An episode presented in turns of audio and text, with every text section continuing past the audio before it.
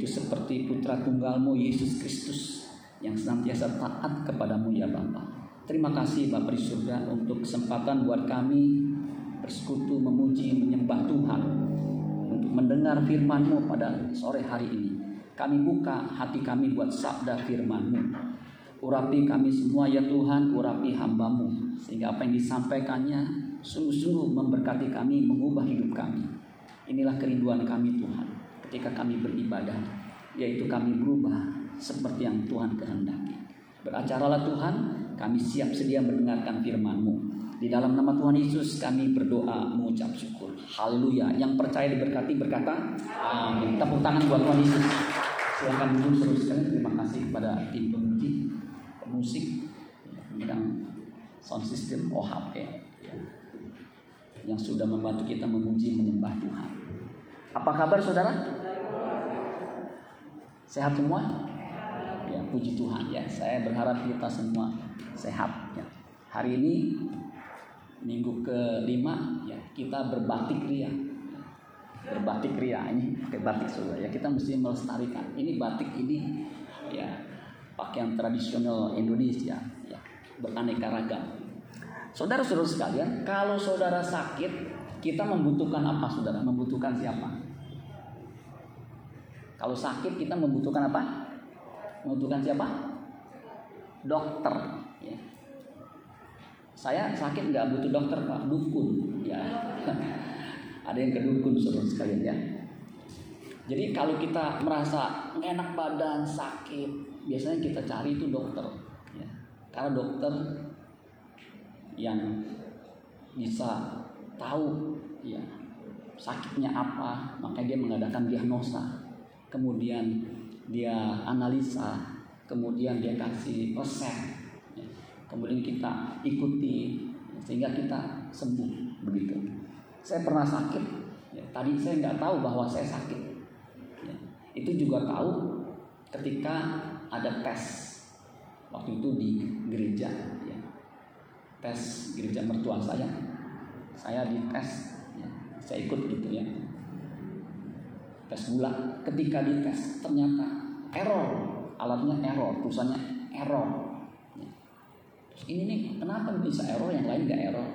Udah tunggu dulu deh mungkin uh, alatnya atau kamunya yang bermasalah. Tes kedua error lagi. Bilang kenapa bisa error ya yang lain coba bisa tuh 140 120 begitu ya. Ketiga kali saya dites saya kaget setengah mati 590 gula saya pantesan saya setengah limbung begitu saya nggak rasain. Saya pikir limbung mah biasanya ya, kurang tidur begitu ya.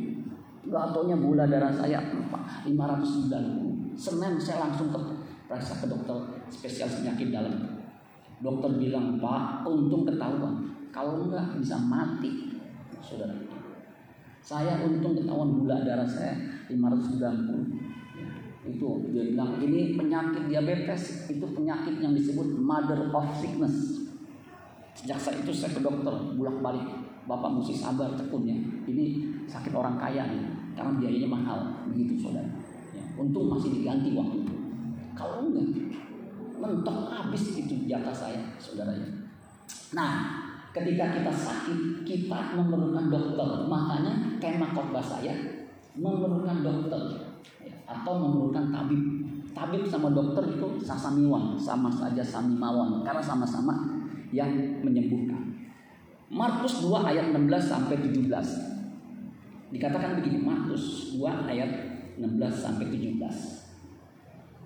Pada waktu ahli-ahli Taurat dari golongan Farisi melihat bahwa ia Yesus makan dengan pemungut cukai dan orang berdosa itu, berkatalah mereka kepada murid-muridnya, "Mengapa ia makan bersama-sama dengan pemungut cukai dan orang berdosa?" Yesus mendengarnya dan berkata kepada mereka, "Bukan orang sehat yang memerlukan tabib, tetapi orang sakit. Aku datang bukan untuk memanggil orang benar, melainkan orang berdosa." Jadi, saudara, pada waktu itu ceritanya, ya kalau sudah baca di Alkitab satu perikop itu, itu judulnya Lewi pemungut cukai mengikut Yesus. Lewi atau Matius. Itu sama. Matius nama umum, Lewi itu nama panggilan. Makanya di Alkitab ya. Matius pemungut cukai, Lewi pemungut cukai itu sama orang yang sama. Lewi itu sebutan sukunya. Ya. Ada orang yang disebut misalnya uh, dari Ambon. Namanya misalnya umpamanya ya. Edi mati nama dipanggil Edi Ambon datang nggak sudah nggak ada ya itu karena dia berasal dari Ambon Matius juga begitu. Karena dia suku Lewi. Nah ini si Lewi. Pemungut cukai. Nah dia bertobat. Karena ketika Yesus berkata. Ikutlah aku. Dia langsung ikut. Kemudian Lewi ini atau Matius pemungut cukai ini mengadakan perjamuan besar. Karena dia seorang pemungut cukai, makanya teman-temannya, sahabat-sahabatnya juga pemungut cukai. Kayak saya sekarang pendeta udah sekian lama, Kebanyakan teman saya pendeta. Dulu waktu saya kerja di bank, kebanyakan teman saya dari bank, pegawai-pegawai, begitu. Sama, ketika kumpul orang berdosa, apa menurut cukai itu di label itu orang berdosa, the sinners, orang berdosa. Makanya orang Farisi melihat Yesus kok rabi makan sama orang berdosa. Itu label pemungut cukai. Makanya mereka bertanya kepada murid-muridnya, mengapa gurumu tuh Yesus makan bersama-sama dengan pemungut cukai dan orang berdosa? Nah, perhatikan respon Tuhan Yesus. Ketika Yesus dengar, dia ngomong begini, bukan orang sehat yang memerlukan tabib, tetapi orang sakit. Jadi Yesus bilang, kalau orang sehat mah nggak butuh tabib, tetapi orang sakit butuh tabib. Dan Yesus mengatakan, misinya, tugasnya, tujuannya datang ke dunia ini. Aku datang bukan untuk memanggil orang benar, melainkan orang berdosa. Kisah pemungut cukai yang bertobat, kisah pemungut cukai yang mengikuti Yesus, bukan hanya Matius, bukan hanya Lewi, tetapi juga Sakius. Suruh tahu sih kisah Sakius? Dia pemungut cukai, Alkitab mengatakan orang yang sangat kaya, dia juga dilabel sebagai orang berdosa. Sebab pemungut cukai kadang-kadang memeras, mengambil yang bukan haknya. Nah, ketika dia tahu bahwa Yesus akan lewat menuju ke Jericho, karena dia pendek, dia naik ke pohon, ke atas pohon. Nah, orang pendek biasanya pinter suruh Dia otaknya panjang, begitu akalnya panjang. Dia naik ke pohon. Yesus melihat Sakius, Kemudian berkata, Sakius turun, aku hendak menumpang ke rumahmu. Singkat cerita, Yesus makan bersama dengan Sakius. Tentunya sahabat-sahabatnya juga pasti pemungut Sakius langsung bilang begini, Tuhan, setengah hartaku akan kuberikan kepada orang miskin. Sekiranya ada orang yang kutipu, aku ganti empat kali lipat. Berapa kali lipat? Empat kali lipat. Makanya Lukas pasal 19 ayat 10 Yesus berkata, hari ini terjadi keselamatan di rumah ini. Karena dia ini keturunan Abraham. Aku datang, bukan aku datang untuk mencari orang yang hilang. Itu misi Yesus, menyelamatkan yang terhilang. Menyelamatkan orang berdosa. Itu misinya. Ya. Nah, saudara-saudara sekalian, ya. Jadi orang sehat, orang benar tidak membutuhkan kalau merasa benar, merasa sehat tidak membutuhkan dokter. Kayak saya tadi, saya merasa sehat-sehat aja. Orang hari Jumatnya saya masih makan dengan uh, almarhum pendeta Lukas karena janjian saya makan, saya makan masih biasa. Ya. Menunya cukup banyak saya pesen ya, kalau dia um, uh, apa suka tuh di tempat itu. Minggu ternyata gula darah saya 590. Wah itu kan luar biasa. Saya merasa sehat. Ketika saya merasa sakit, karena ini bahaya, ya, jadi saya jalan linglung gitu. Ya, saya pikir nggak apa-apa lah, masih bisa nyetil. Saya membutuhkan dokter. Nah, sesungguhnya kita ini adalah orang sakit. Kira, saudara lihat kiri kanan, orang sakit. Tanpa kecuali saudara sekalian, kita ini orang sakit. Kenapa? Semua orang sudah berbuat dosa dan telah kehilangan kemuliaan Allah. Akibat dosa itu kematian. Ya, akibat dosa itu mati. Kejadian 2 ayat 17. Ya, sebab pada hari kamu memakannya, pastilah engkau mati. Dan semua orang sudah berbuat dosa, telah kehilangan kemuliaan Allah. Itu nggak bisa dipungkiri. Akibat dosa itu upah dosa, maut, kematian. Semua orang, kita mengatakan telah berbuat dosa. Jadi ketika Adam berdosa, keturunannya pun ketika lahir jebrak orang berdosa. Orang sakit. Dan kita membutuhkan Tuhan. Yang membutuhkan Tuhan angkat tangan saudara. Berarti orang sakit semua. Termasuk saya saudara. Ya. Dosa itu jangan main-main saudara. Akibatnya maut. Kematian. Bukan hanya kematian fisik kita mati. Karena semua orang pasti nanti juga yang hidup ini pasti mati. Tetapi kematian kedua itu lebih mengerikan. Kita akan dilemparkan ke lautan api yang apinya tidak pernah padam. Kita bukannya hilang lenyap kemudian nggak ada rasa lagi, akan terus mengalami penderitaan luar biasa. Itu akibat dosa. Makanya kita mesti datang kepada Tuhan. Ya, anak manusia datang untuk mencari dan menyelamatkan yang hilang. Nah kita ini yang hilang. Lihat anak domba Allah yang mengangkut, mengangkat, menghapus dosa dunia. Jadi hanya Yesus yang bisa menghapus, mengangkat dosa kita. Nah, dosa itu bahasa Yunaninya hamartia. Hamartia, tulisannya amartia. Ya, bacanya hamartia. Coba katakan hamartia. Nah, hamartia ini ya. Sin orangnya sinner bahasa Yunaninya hamartolon. Itu jamak banyak ya. Misalnya child, jamaknya children boy, boys. Sama. Hamar tolos itu tunggal, hamar tolon, orang berdosa.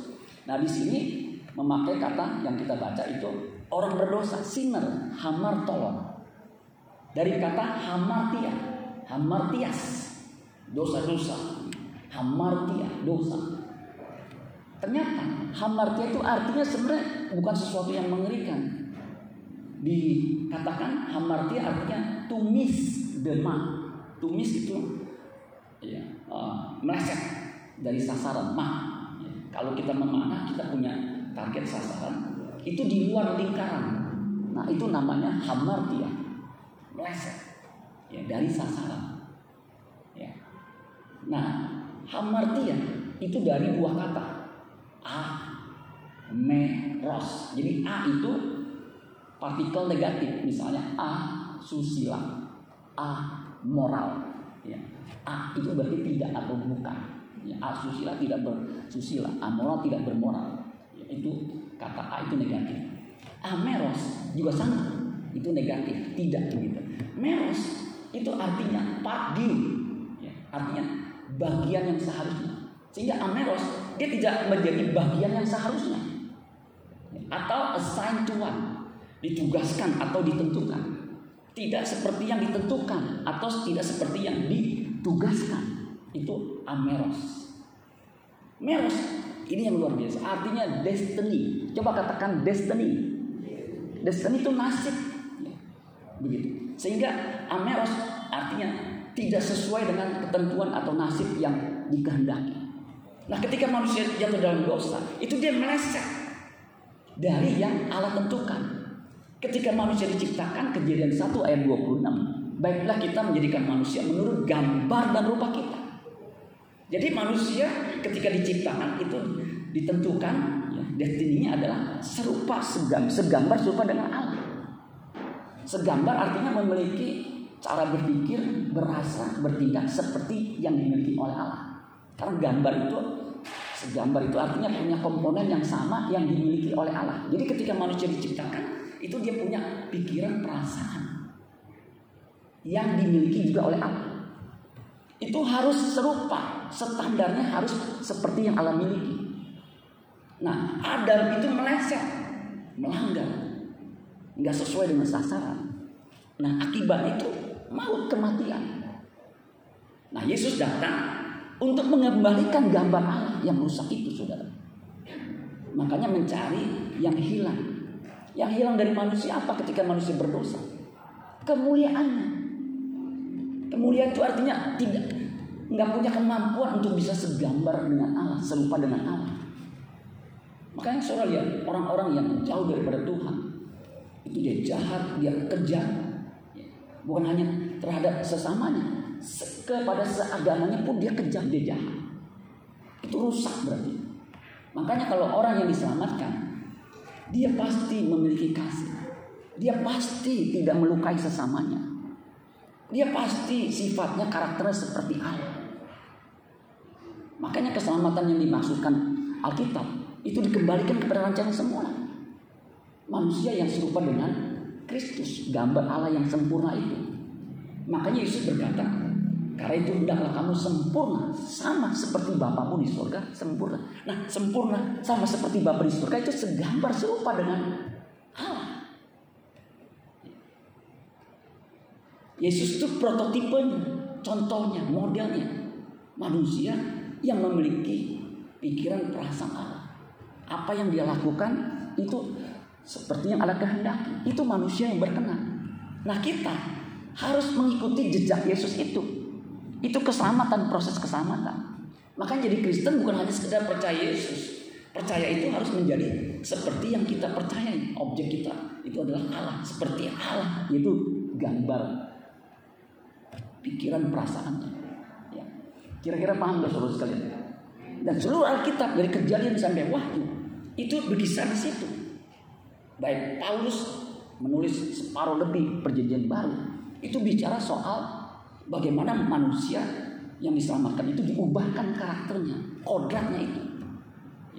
Tadi pagi saya mengatakan ya tentang ya, bicara soal ya, uh, rindu kediamanmu.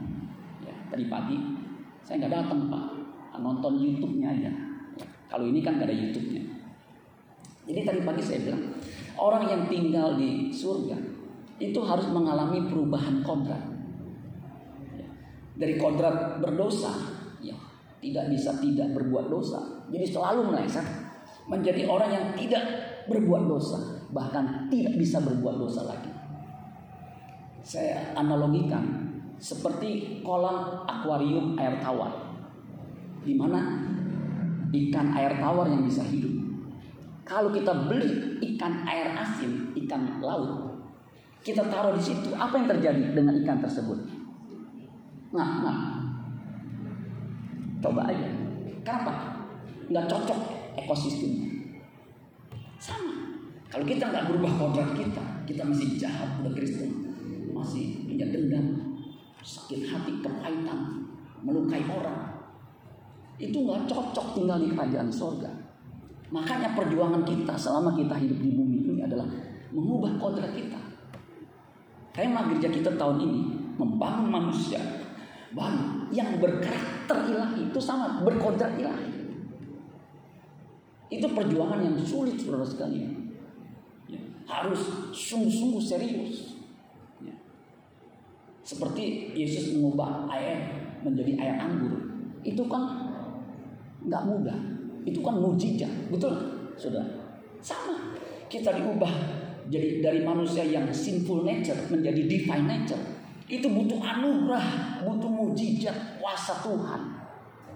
Dan ketika kita percaya Roh Kudus itu dimeteraikan dalam diri kita, diam dalam diri kita. Efesus 1 ayat 13. Untuk apa? Menuntun kita, memimpin kita kepada seluruh kebenaran. Karena kebenaran itu yang akan menguduskan kita, mengubah kodrat kita. Jadi kekristenan itu bukan sesuatu yang mudah. Itu berat. Orang Batak bilang berat sekali itu.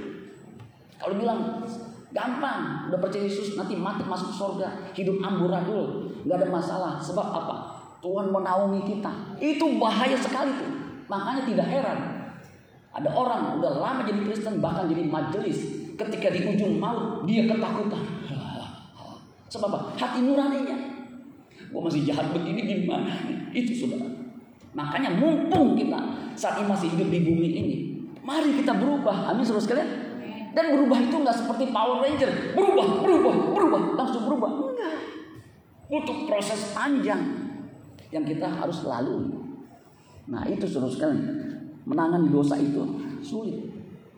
Ternyata dosa dari bahasa Ibrani itu punya arti yang sama. Kan luar biasa Alkitab kita. Arti dosa, dosa bahasa Ibrani, kalau tadi kan Yunani, itu sama. Miss, miss the way. Meleset dari jalan yang seharusnya. Miss the goal. The goal, goal uh, meleset dari goalnya. Nah goalnya apa? Jadi manusia segambar serupa dengan Allah. Yeah. Miss the path of right and duty. Jadi meleset dari jalan yang benar dan duty itu maksudnya yang ditugaskan. Ketika manusia ditempatkan di Taman Eden, itu tugasnya adalah bagaimana dia bisa segambar serupa dengan Allah. Sama, ketika kita diselamatkan, posisi kita itu posisi sebelum Adam jatuh dalam dosa. Bagaimana kita berjuang bisa menjadi segambar serupa dengan Allah. Amin saudara sekalian. Nah, saudara sekalian, kalau kita pelajari Alkitab, Allah itu salah satu gelarnya adalah Jehovah Rafa. Coba katakan Jehovah Rafa. Artinya Allah yang menyembuhkan. Keluaran pasal yang ke-16 ayat 15. I am the who heal you. Akulah Tuhan yang menyembuhkan engkau. Itu bahasa Ibrani Jehovah Rafa. Allah yang menyembuhkan. Nabi Hosea menulis mengatakan begini. Hosea 14 ayat 4. Aku akan memulihkan mereka dari penyelewengan. Aku akan mengasihi mereka dengan sukarela. Sebab murkaku telah surut daripada mereka. Jadi sang Nabi mengatakan berfirman ya, melalui Hosea ini Tuhan berfirman melalui Nabi ini berkata aku akan memulihkan. Nah kata memulihkan di situ Jehovah Rafa. Jadi Allah itu gelarnya salah satunya Jehovah Rafa, bukan hanya Jehovah Shalom, Jehovah Nisi, Jehovah uh, apa? Zebak, Sebaot, ya. tapi Jehovah Rafa. Dia menyembuhkan. Ya. Terjemahan Indonesian Modern Bible itu lebih kalau kali ini kan memulihkan. Nah, Indonesian Modern Bible itu lebih jelas. Aku akan menyembuhkan kesesatan atau kemelesetan mereka. Karena semua orang sudah berbuat dosa, hamartia, meleset. Nah, perjanjian lama akan memulihkan, akan menyembuhkan. Karena begitu besar kasih Allah akan dunia ini sehingga dikaruniakannya anaknya yang tunggal supaya setiap orang yang percaya kepadanya tidak binasa, melainkan beroleh hidup yang kekal. Itu keselamatan. Misinya Yesus datang untuk mencari dan menyelamatkan yang hilang. Semua manusia itu terhilang, meleset tanpa kecuali. Dan Tuhan datang untuk menyembuhkan. Amin saudara sekalian. Di Mazmur, Mazmur 147 ayat 3. Ia menyembuhkan orang-orang yang patah hati. Yang hatinya patah. Membalut luka-luka mereka. Saudara tahu nggak? Kalau hati kita rusak, patah, kepahitan. Itu orang kepahitan di mana pun dia berada. Membawa kepahitan di sekitarnya. Orang yang kepahitan itu nggak bisa melayani. Yang broken heart itu, yang hatinya hancur begitu. Sulit. Saya pernah lihat ada lem yang luar biasa. Misalnya pecah belah ketika dilem itu bisa nempel sampai nggak kelihatan tadinya pecah. Itu lem luar biasa. Kalau kaca mobil misalnya kena batu di tol gitu, gitu dia kan pecahnya nggak langsung gitu. Itu kalau pakai lem itu digituin ya dimasukin di sela-selanya kemudian dirapetin lagi hilang.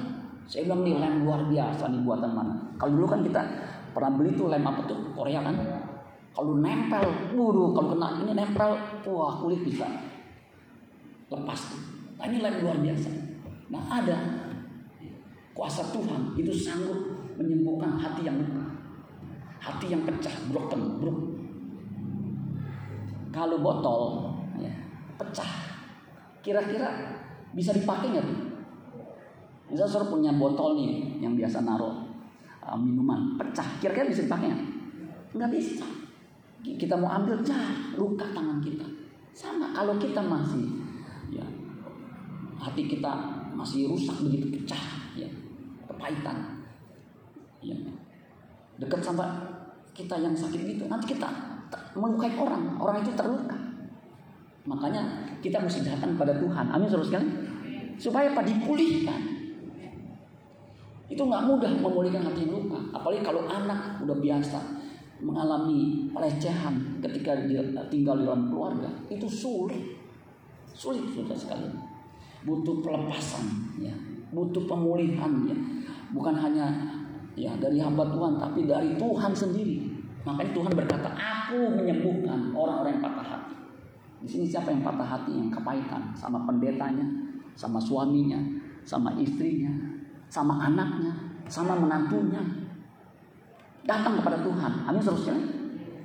Baru-baru ini selain kita dihebohkan dengan Citayam Fashion Week, kemudian meninggalnya Brigadir J, ada satu lagi kasus seorang kopda ya, itu memerintahkan pembunuh bayaran untuk membunuh istrinya. Saya kaget saudara sekalian. Kalau istri saya udah bisa nebak, saya tanya kenapa tuh ya? Kok bisa suami suruh bunuh istrinya?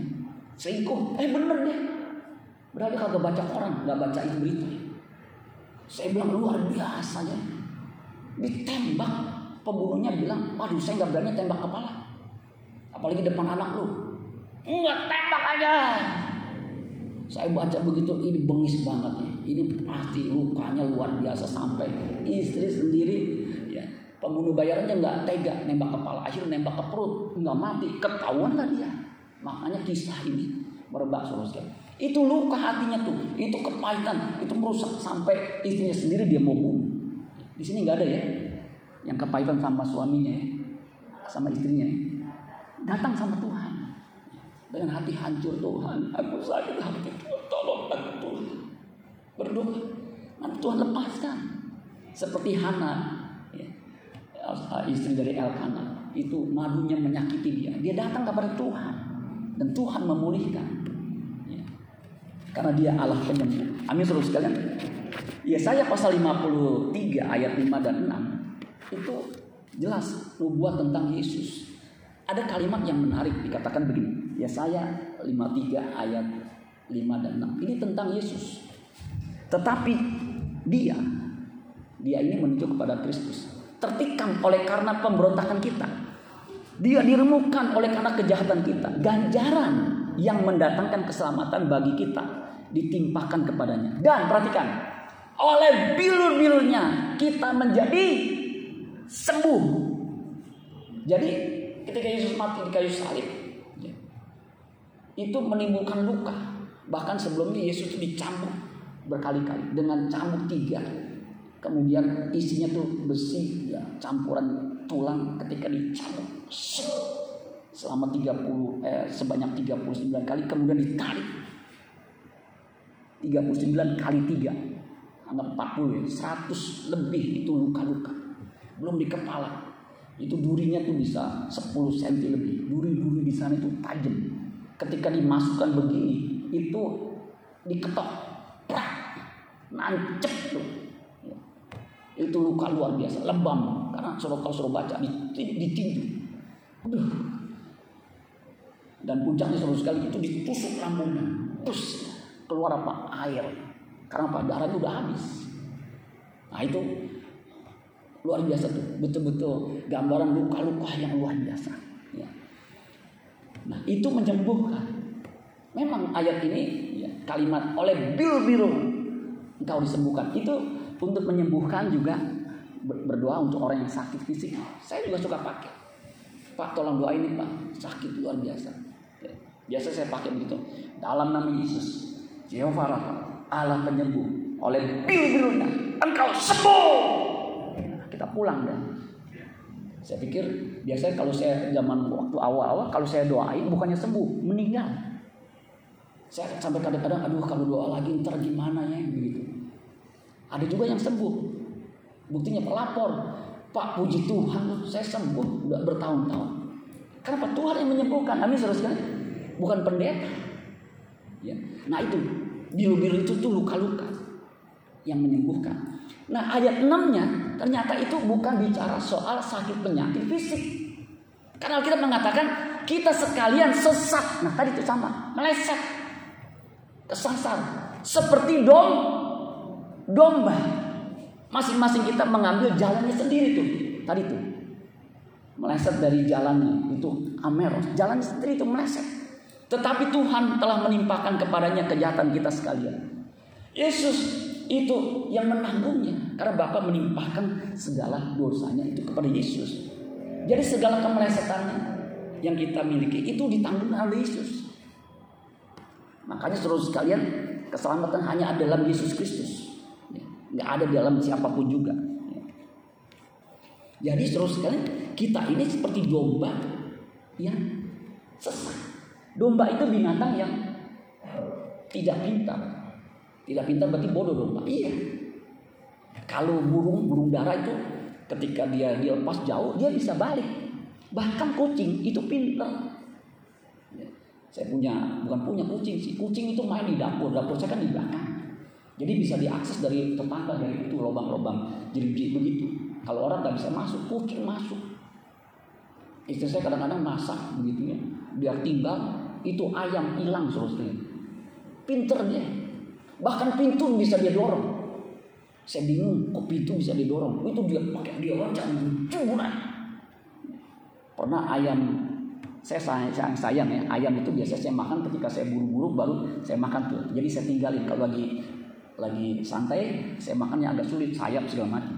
Kalau pahanya biasanya sore sore kan saya biasa ikut seminar di zoom begitu. Taruh di meja makan lupa ditutup. Ketika saya mau makan hilang. Yang diambil pahanya. Sayapnya nggak diambil. Pinter nggak tuh saudara? Kalau sayapnya mah iya dah, emang gua kagak doyan sayapnya. Pahanya. Saya bilang habis itu, paha saya hilang. Paha yang mana? Itu ayam. Kucing pinter. Kalau domba itu bodoh. Nah kita itu diibaratkan seperti domba, bukan seperti kucing. Yang mudah tersesat, nggak punya pertahanan diri. Domba itu saudara nggak punya cakar, nggak punya taring. Kalau harimau, singa itu taringnya gede. Kukunya itu kukunya itu kukunya ya, bukan jarinya. Itu segede jari kita. Kok bapak tahu? Karena saya punya kukunya, kuku macan. Dipakai oleh kakak saya sebagai kalung. Itu kerasnya luar biasa. Kalau suruh diginiin itu luka pasti. Itu macan, harimau itu punya gitu. Kucing termasuk. Kalau domba nggak ada. Bulunya lebat. Jadi kalau jangan kuel-kuel kalau bulunya makin lebat nggak digunting. Dia masuk ke sungai nggak bisa bergerak tuh kedinginan. Akhirnya mati. Nah kita manusia itu seperti domba kalau udah sesak. Kalau nggak ada gembala, udah mati dia. Ini perumpamaan atau analogi yang luar biasa. Kita sekalian, saudara dan saya, sesat seperti domba mengambil jalannya masing-masing. Tetapi Tuhan telah menimpakan kepadanya kejahatan kita sekalian. Nah, Yesaya pasal 53 ayat 5 sampai 6 ini dikutip oleh Petrus, murid Tuhan Yesus yang utama. Dia ambil tuh ayat, kemudian dia jelaskan. Waktu saya baca ini luar biasa. Petrus itu pendidikannya nggak tinggi, nggak seperti Paulus, tetapi mendapat pewahyuan yang luar biasa, yang bisa memberkati kita. Bahkan ini adalah inti dari kedatangan Tuhan Yesus, mencari menyelamatkan domba yang hilang itu. Dia kutip begini, ya, 1 Petrus 2 ayat 24. Ya, ia sendiri, Yesus maksudnya, telah memikul dosa kita di dalam tubuhnya di kayu salib supaya kita yang telah mati terhadap dosa Yesus mati untuk menebus dosa kita. Kita pun harus mati terhadap dosa. Koma, hidup untuk apa? Kebenaran. Kalau Yesus tidak mati di kayu salib, semua kita meluncur masuk neraka. Tapi dengan kematian Yesus di kayu salib, Yesus berkata, "Tetelestai, sudah selesai." Kita dimungkinkan untuk apa? Diselamatkan bisa mati terhadap dosa. Kalau enggak, kita nggak bisa melawan dosa. Nggak ada kekuatan. Makanya Martin Luther, manusia itu adalah non pose, non pekare. Tidak bisa tidak berbuat dosa. Jadi kecenderungan hatinya itu selalu jahat, selalu berdosa. Makanya kalau lihat anak kecil nggak diajarin bohong dia bohong, itu punya kecenderungan itu. Nah, kemudian dilanjutkan. Jadi ketika kita diselamatkan, kita mati terhadap dosa, tidak lagi berbuat dosa, melainkan hidup untuk kebenaran. Kata kebenaran di sini itu dari bahasa Yunani-nya di kayu sune. Tuh, di kayu sune. Ada yang mengkritik saya, Bapak kok pakai bahasa Inggris, bahasa Yunani. Saya tidak peduli, sebab? Nggak ada pilihan lain. Hamba Tuhan, kenapa mesti sekolah teologi? Kenapa mesti bahasa Yunani, Yunani? Kenapa ada bahasa Inggris? Karena memang ayatnya, literaturnya itu dari situ. Sulit kita tuh bahasa Inggris. Can you speak English? Lo tahu saya jalan batu tulis. Taunya begitu pak. Nggak apa-apa pelan-pelan. Amin saudara sekalian. Kalau enggak, saudara enggak dapat penjelasan yang lebih kom yang komprehensif. Jadi kata kebenaran di sini di kayu sune. Kebenaran juga bisa pakai bahasa Yunani-nya aletheia, tapi di sini di kayu sune. Di kayu sune itu artinya apa saudara sekalian? Terus lihat di situ ya, righteousness. Kemudian di kayu sune artinya the condition acceptable to God. Coba katakan the condition acceptable to God.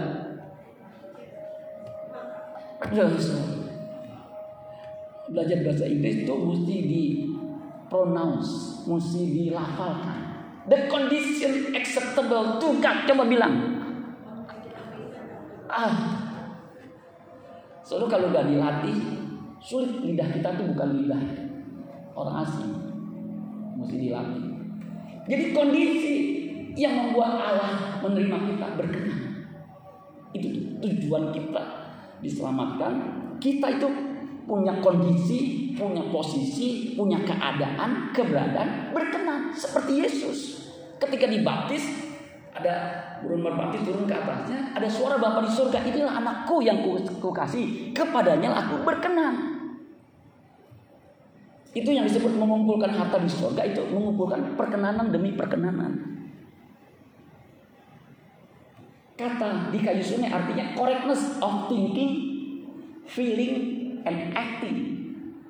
Artinya benar. Ya, korek itu correctness dari kata korek. Benar dalam berpikir, merasa dan bertindak. Kalau pikirannya benar, perasaannya ikut benar. Coba aja. Saya kalau nyetir kadang-kadang cukup agresif. Kayak tadi ya, udah tahu pelan di kanan terus saya kasih gini wah di kanan terus saya klakson di kanan terus aduh terpaksa saya ambil ke kiri untuk duluin dulu mobil saya tuh bukannya sedan kayak gini 1800 cc 1000 cc kalau saya mau duluin kagak bisa tapi saya mau buru-buru jadi begitu aja dulu Jimny ingat ada yang tahu Jimny pernah touring begitu ya ke Sukabumi Orang-orang udah nyampe satu jam. Saya baru belakangan nyampe. Karena kecepatan paling 80. Pas sampai, lu ke mana aja cek? Kita udah makan siang. Saya bilang. Nah, saudara sekalian, ketika pikiran kita berubah, misalnya kita disalib begitu, kita bilang ah dia mau buru-buru kali, udahlah biarin aja. Perasaan kita juga tenang, betul nggak saudara sekalian? Kalau kita di sini setan nih orang, emang jangan punya bapak moyangnya. Kita udah oh sampai sesek kita pukulin, tiba-tiba dari belakang, pak cepet pak ini udah mau melahirkan pak kita lihat istrinya lagi hamil. Nyesel nggak seharusnya? Nyesel. Coba kalau pikiran kita udahlah dia mungkin istrinya melahirkan, bisa juga mungkin istrinya nggak melahirkan, cuman memang doanya begitu. Kan kita tetap tenang, betul mas saudara sekalian? Nah, kita mesti benar dalam berpikir, berasa, baru tindakan kita juga benar. Banyak kali saya kan belajar juga soal apa namanya tuh manner of acting gitu ya, bagaimana bersikap gitu ya. Tapi tetap aja emosi kita, keinginan kita itu bisa salah, bisa meleset. Saya berkali-kali saya nggak malu cerita. Dulu kan waktu istri saya belum pensiun, saya kan tugas saya selain belajar kuliah belajar teologi ya. saya itu ternak teri antar anak antar istri jadi saya anterin anak saya sekalian gitu kemudian ke istri saya Kemudian saya balik. Nah waktu saya balik, ya, itu jalan yang Basuki Rahmat yang ada hero ke arah rumah saya itu. Itu orang tuh jalan begitu saudara. Apa namanya lawan arah. Usia, uh, motor kayak laron. Uh, mobil saya kan nggak bisa masuk. Ya, saya buka jendela, saya teriak, Oi, minggir! Sebab saya nggak bisa masuk kan. Itu motor satu-satu pelan-pelan. Nasihatin saya, Pak, sabar Pak, semua mau buru-buru. Bukan Bapak aja. Lah, gue dinasehatin pendeta. Padahal dia yang salah. Sabar Pak. Ya Bapak, gitu. Ada yang ibu, ya Bapak, sabar apa? Begitu sudah. Wah, saya kayak orang berdosa pulang. Saya renungkan, ya kok jadi ke orang salah ya. Kan respon saya reaktif itu begitu. Ya. Sebab apa? Bilang, ini kok jadi begini ya? Saya bilang, oh, saya gagal lulus nih, meleset nih cara berpikir saya begini. Memang saya benar. Ya. Kayak lawan arah di sini, kayak tadi itu ya. Udah, motor itu. Jadi, aduh, saya gak deh kalau naik motor dan mobil ya begitu. Kalau nggak hati-hati, untuk istri seorang sabar, udah sabar pak, sabar pak, sabar pak. Saya gagal deh ya. Saya bilang, aduh, kejadian lagi seru sekali. Aduh, saya udah belajar ya, di jangan meleset lagi. Betul, seru sekali. Ya, jadi udah saya sabar aja ya. Sambil saya dengerin, gue juga gak buru-buru lah. Pulang ya nanti mau ini lagi kan bisa tunda ya. Udah ya begitu. Jadi ya gitu aja saya pura-pura enjoy aja. Padahal empat juga nih orang kayaknya nggak tahu urusannya begitu. Udah selesai ini. Sejak ayat itu nggak ada lagi tuh laron kayak begitu ya lawan arah. Nah jadi manusia itu bisa meleset, gampang meleset. Cara berpikirnya, berasanya. Nah kondisi berkenan atau benar dalam cara berpikir itu karakter ilahi. Karakter ilahi itu memang harus diperjuangkan, harus diusahakan. Nggak bisa terjadi dengan sendirinya. Karena manusia punya sinful nature yang kalau berdosa itu, yang bawanya balas pembalasan lebih kejam daripada yang dia lakukan. Bisa begitu. Lu jual gue beli, bahkan sekarang lu jual gue borong semua. Begitu seluruh sekalian. Wah itu kan mengerikan seluruh sekalian. Nah itu kebenaran di kayu sunet. Oleh bilu-bilunya kamu telah sembuh. Sembuh dari apa? Dari kesesatan. Sebab dahulu kamu sesat seperti domba. Tetapi sekarang kamu telah kembali kepada gembala dan pemelihara jiwamu.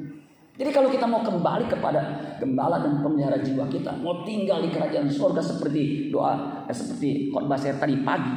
Makanya yang datang pagi dan sore ini lengkap. Ya.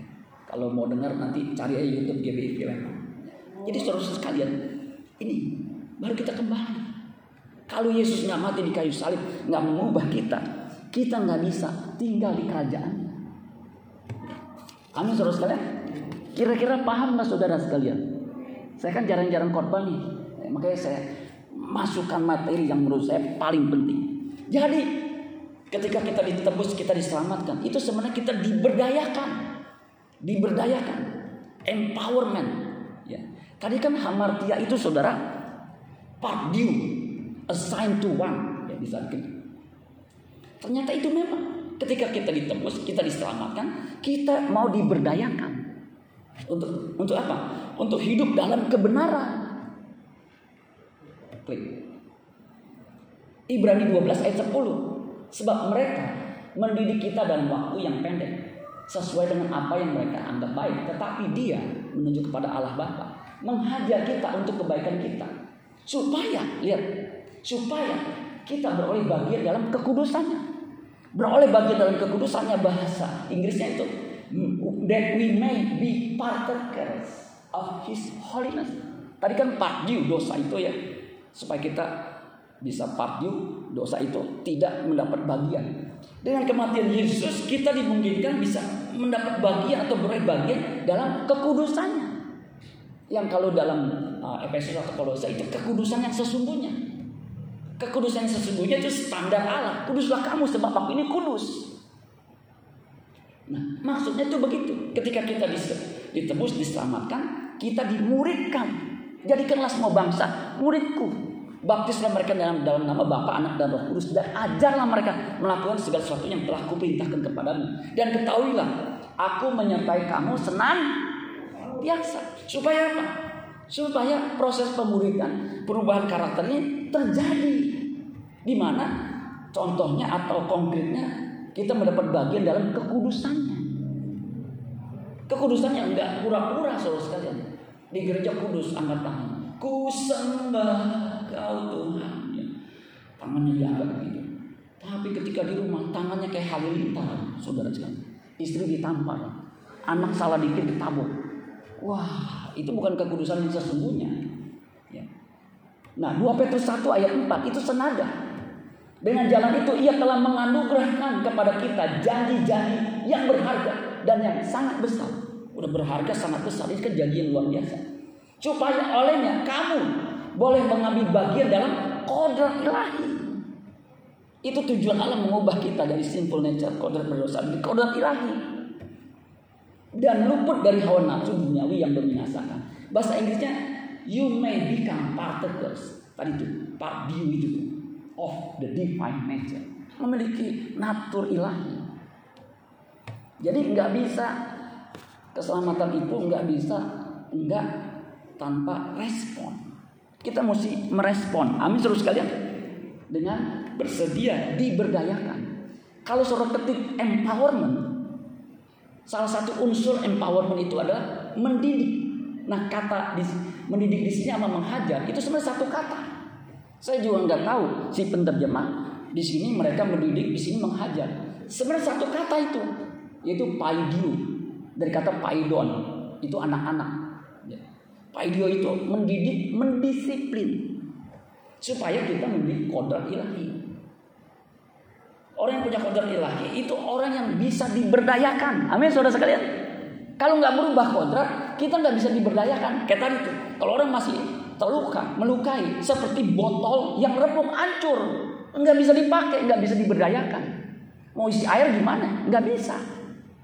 Makanya mesti disembuhkan. Amin terus kan? Contohnya ketika Petrus ke bait Allah, itu ada orang yang lumpuh sejak lahir. Di kisah para rasul 3 ayat 10 sampai 11. Ini selesai yang terakhir. Ah, lalu orang lumpuh ditaruh di situ, kemudian minta-minta. Karena kan orang pasti ke bait Allah orang-orang yang baik-baik lah. Nyumbang gitu atau beri. Nah ketika Petrus dan Yohanes lihat. Ya, ketika orang lumpuh sejak lahir itu minta. Petrus berkata begini. Emas perak tidak ada padaku. Yang ada padaku kuberikan kepadamu. Dalam nama Yesus orang Nazaret itu. Berjalanlah. Petrus pegang tangan kanan si lumpuh itu. Mengangkatnya bantu berdiri. Kalau sudah baca kisah 3 ayat itu. Ketika dibantu angkat berdiri, Alkitab mengatakan seketika itu juga kuatlah kaki orang itu, mata kakinya, kemudian dia loncat ayat 8. Eh, Loncat-loncat. Petrus kan mau berdoa. Si orang lumpuh itu ngikutin sampai masuk ke bait Allah. Nah, ini ayatnya. Ya. Lalu mereka mengenal dia sebagai orang yang biasa duduk meminta sedekah. Kalau disembuh, orang-orang lihat tuh di gerbang indah bait Allah. Sehingga mereka takjub dan tercengang tentang apa yang telah terjadi pada orang itu udah biasa di situ bertahun-tahun minta sedekah ya supaya bisa makan. Dan hari itu disembuhkan. Mereka takjub. Ayat 11 karena orang itu tetap mengikuti Petrus dan Yohanes maka seluruh orang banyak yang sangat keheran itu datang mengerumuni mereka di serambi Salomo yang disebut serambi Salomo di, di Serambi yang disebut Serambi Salom. Yang menarik kata mengikuti itu dari kata Yunani-nya krateo. Nah itu saya bilang nggak ada pilihan lain. Mau kamu mesti cari bahasa asing. Krateo itu dari kata kratos. Yunani kan os-os, kairos, kronos, ya, gitu. melengos, nyelocos, kerja di kantor pos jadi jongos. Nah itu bukan saudara. Krateo atau kratos itu artinya continue to hold the hand, terus menerus megang tangan. Jadi orang lumpuh ini yang terus-menerus megangin tangan Yohanes, Petrus dan Yohanes. Krateo itu artinya turun. Turun, turun, artinya apa? Memerintah. To be master, menguasai. To prevail. Prevail itu uh, menguasai sama sinonim sinonim. Kratos itu adjektifnya strong, jadi kuat, mighty, ya. have power, have power, powerful. Jadi kita disembuhkan supaya kita punya kekuatan, punya kuasa untuk memerintah. Ya amin coba suara ibu culan ya. Jadi kita disembuhkan, diselamatkan supaya kita bisa memerintah. Memerintah bersama dengan Yesus. Kalau suruh baca Matius pasal 19 ayat 28. Itu setelah murid-murid tercengang karena ada orang kaya muda mau ikut Yesus. Yesus bilang apa yang eh, dia bilang apa yang harus lakukan untuk hidup kekal? Yesus berkata eh, lakukan hukum Taurat. Hukum Taurat yang mana? Yang bunuh jangan berzina. Dia bilang semua itu sudah aku lakukan. Kemudian Yesus berkata kalau kamu hendak sempurna jual segala milik berikan kepada orang miskin ikut aku untuk apa? Dimuridkan, diberdayakan. Kemudian orang itu melengkos seperti jauh Sebab apa? Hartanya banyak. Yesus berkata, sukar sekali orang kaya masuk kerajaan surga. Kemudian Yesus berkata lebih mudah seekor onta masuk ke lubang jarum daripada orang kaya masuk kerajaan surga. Nah, ayat ini nih, Matius eh, di sana Matius 19 ayat 28 bisa ditampilkan. Nah, ini Petrus ngomong nggak bisa ya. Matius 19 ayat 28. Ini nggak ada di sini, tapi ada di Alkitab. Ya. Nah, saudara, di situ dikatakan begini. Matius 19 ayat 28. Kamu yang telah mengikut aku akan duduk juga di atas 12 tahta untuk menghakimi. Menghakimi di sini bukan kayak hakim, tapi memerintah turun kedua kedua belas suku Israel. Jadi saudara yang mengikut Yesus yang diubah kodratnya nanti di dalam kerajaan surga itu akan memerintah turun. Karena Makanya disebut kerajaan surga. Itu kerajaan. Ada tata, tatanan, ada jabatan, ada posisi. Amin terus sekalian. Tadi kan selat terakhir. Selat yang paling terakhir habis ini. Ini yang paling terakhir. Musik bisa maju ke depan. Nah karena jauh dari sekarang saya suruh maju ke depan. Ya, karena mesti naik ojek terus sekalian. Efesus 2 ayat 6 sampai 7 bahasa Indonesia bahasa kini. Karena kita bersatu dengan Kristus Yesus Allah menghidupkan kita kembali bersama-sama dengan Dia, bersama-sama Dia. Supaya apa? Supaya apa? Kita memerintah juga bersama-sama Dia di dalam surga.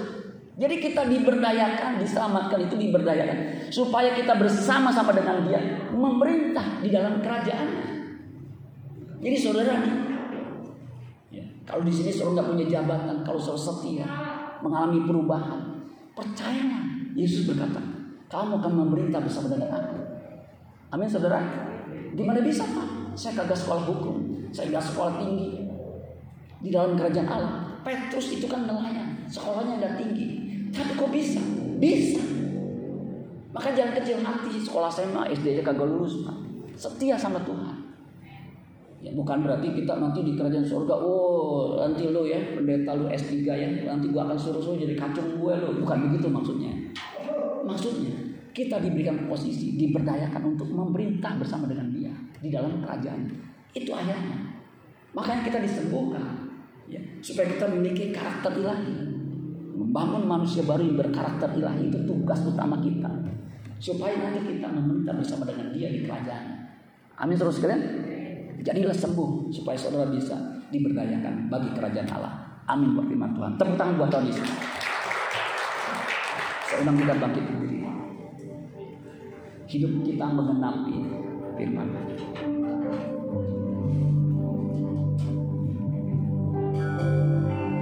Hidupku menggenapi firmanmu Tanda mujizat Tanda mujizat sertai tiap langkahku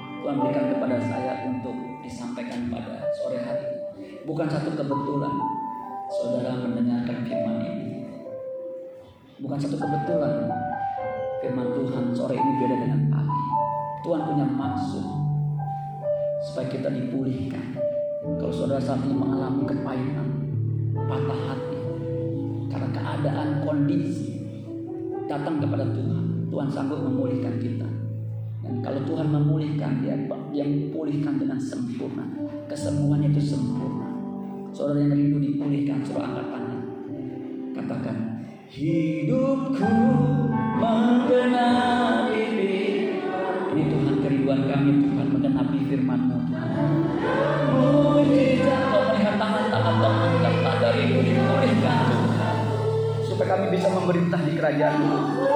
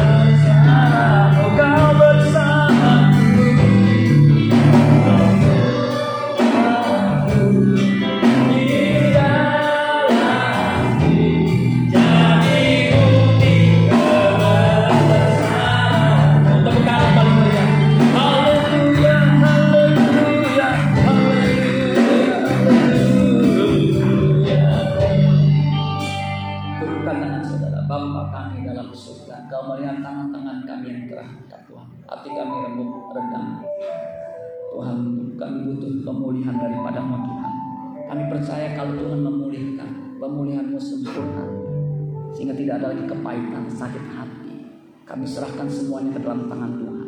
Kami mau diubah Tuhan. Kami mau disembuhkan dari luka batin kami. Dari kesesatan kami. Dari keinginan daging kami. Dari hawa nafsu kami yang membinasakan. Kami percaya Tuhan dengan kuasa. Oleh bilu-bilu engkau kami disembuhkan. Dalam nama Yesus yang sakit saat ini. Di dalam nama Yesus pegang kebagian yang sakit. Di dalam nama Yesus pegang kebagian yang sakit. Di dalam nama Yesus oleh biru-biru Tuhan Yesus engkau disembuhkan. Karena kuasa Tuhan tidak pernah berubah dulu sekarang sampai selama-lamanya. Sembuh, sembuh, sembuh. Karena kuasa Tuhan tidak berubah sampai selama-lamanya. Kami terima kesembuhan daripadamu. Sebab Engkau adalah Jehovah Rafa, Allah yang menyembuhkan. Kami terima kesembuhan dengan iman. Kami yang sudah disembuhkan, kami rindu Tuhan, mau diberdayakan, mau dimuridkan, sehingga hidup kami tidak lagi seperti hidup yang dulu, yang urakan, yang senantiasa melukai orang, menyakiti orang. Kami mau berubah Tuhan, supaya kami bisa memerintah bersama dengan Tuhan di kerajaan. Terima kasih Bapak. Inilah doa dan kerinduan. Di dalam nama Tuhan Yesus kami berdoa mengucap syukur. Haleluya. Yang percaya diberkati berkata, Amin. Tepuk tangan buat Tuhan Yesus.